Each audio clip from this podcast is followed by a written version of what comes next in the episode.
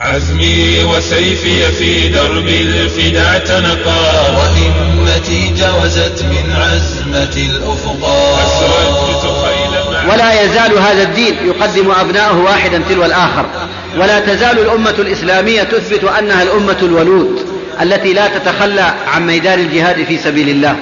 ولا تزال الأمة الإسلامية رغم ما يحيق بها من المكر والكيد ورغم ما ران عليها من الذل والاستضعاف فإنها لا تزال تحاول أن تكسر القيود وتفك الأغلال لكي تنطلق للجهاد في سبيل الله وبذل النفوس والمهج من أجل إعلاء كلمة الله عز وجل والفوز برضوان الله سبحانه وتعالى. عزمي وسيفي في درب الفدا اعتنقا وهمتي جوزت من عزمة خيل معالي مقصدي شرف. إيمان قلب عظيم للعلا سمقا. قدمت نحو العوالي كي أذللها. رفيق درب يقيني جل مرتفقا. لم أرتضي الذل في عيش النعيم بلا سيف صقيل على هاماتهم برقا. أبطالنا الغر لم يثنوا خيولهم فكم عقدنا لواء في الدنا خفقا وكم ضربنا فما كلت سواعدنا ولا رأت خيلنا ذلا ولا رهقا. ولا رأت خيلنا ذلا ولا رهقا. ما سرت في كل البقاع ترى سيفا لنا سنا فجرا لنا انبثقا فكيف أرض بذل بعد عزتنا؟ وكيف ممتشقا وكيف يغمد سيف بات ممتشقا وكيف تعن جباه الكفر شامخة. وأستريح أناغي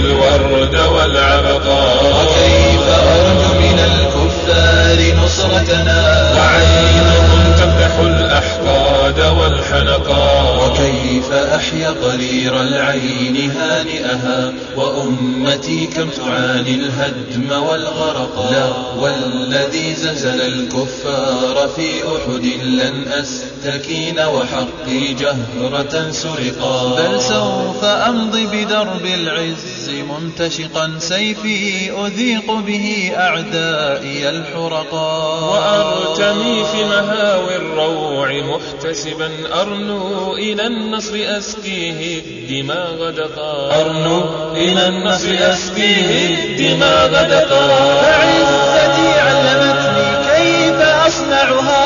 وكيف صارت